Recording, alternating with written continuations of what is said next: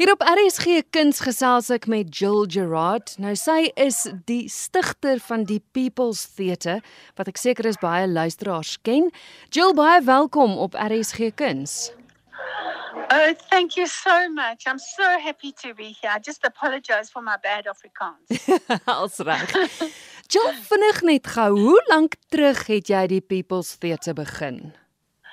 People's Theatre um at Joburg Theatre um, started in 2000, so it's 22 years. Sure. But for eight years before, yeah, for eight years before that, we were at the old Intimate Theatre in Rissik Street. Um, which used to be a theatre, and I, I don't know what it is now. But we moved to the Joburg Theatre, which is our present home, in um, 2000. En Keith het het op die pad aangesluit by jou. Yes, yes. Keith and I have worked together for close on 25 years. We also had a cabaret venue which was off Broadway in both Norwood and Melville. And we um, both became very involved in the children's side um, from 2000. Julle het goed gedoen. Julle het gereelde produksies gehad, lang speelvakke. Julle het vir mense werk verskaf en toe gebeur COVID. Yeah. that was an absolute traumatic story. Um, it was dreadful for us. We never ever thought that when we walked out of the theatre um, and gave all the actors, all the technicians, all the staff three weeks' pay, we thought we'd be back. We thought two weeks down the line, we'll be back. And it nearly killed us because we had just started with the Jungle Book. We hadn't even had our official opening for the public yet. And um, there we are with nothing. And everything had to stay closed. And it was very difficult with no funds to do a half capacity, and people weren't going out. So it was all very, very hard and very traumatic. Maar julle was vir 2 jaar toe. Hoe hoe het julle oorleef? Yes. Um, we were closed for two years. The Joburg Theatre were very, very nice to us and didn't charge us rent for the two years. Um, they rented out our theatre to other people and uh, schools and whoever wanted to rent a space came and used the people's theatre. And of course a lot of our stuff disappeared and a lot of our stuff went missing. We're still looking for stuff and because we had to clean everything out so that other people could rent it out it was our only alternative yeah um, to to rent out the theatre and not pay rent because we didn't have the money for the rent.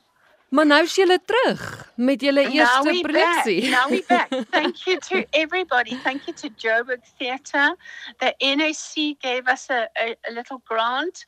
Um, the Joburg Theatre have been amazing. They've helped us in with technicians. They've helped us with everything they possibly can. And um, obviously, Keith and I and Sandy Dyer's on board, like she always is, helping us with everything that she possibly can. All the costumes and the the, the, she's doing all the musical staging. Kunrad Rao is doing the musicals, sure. the musical staging for all the music numbers. And um, we have a lot of our old team who went off and did other work, but they have been in the background helping us, trying to get things together, which has been such a joy. Beneath African Skies, dis die produksie waarmee jy nou weer die deure van die People's Theatre yes, gaan oopmaak. Yes. Vertel my daarvan. Okay, um, Beneath African Skies is a wonderful collection of stories, all different stories. It was difficult to find child friendly stories because a lot of these stories are actually for adults. They've been passed down through generations for adults. But these stories we've chosen specifically because they're child oriented and we've adapted them and made them suitable for our theatre and our audiences, but with loads of participation. And because of COVID restrictions, we've had to rework everything, but there is still a lot of participation. The kids take part in the stories. Ek het so een of twee foto's gesien. Geen net gou so 'n idee vir die luisteraars van van hoe die stel lyk want daar is uit die aard van die saak diere in 'n boom. yes, lots of animals. It's very interesting because the rabbit goes right through many of the stories. It's either a rabbit or a hare, and he's quite wily and clever. And he goes through stories right from the Cape all the way through to Nigeria. We have stories that come from Aesop, which were taken by the slaves to Jamaica, Barbados. And a lot of all those stories are African stories that were passed down. And you see this little rabbit coming through.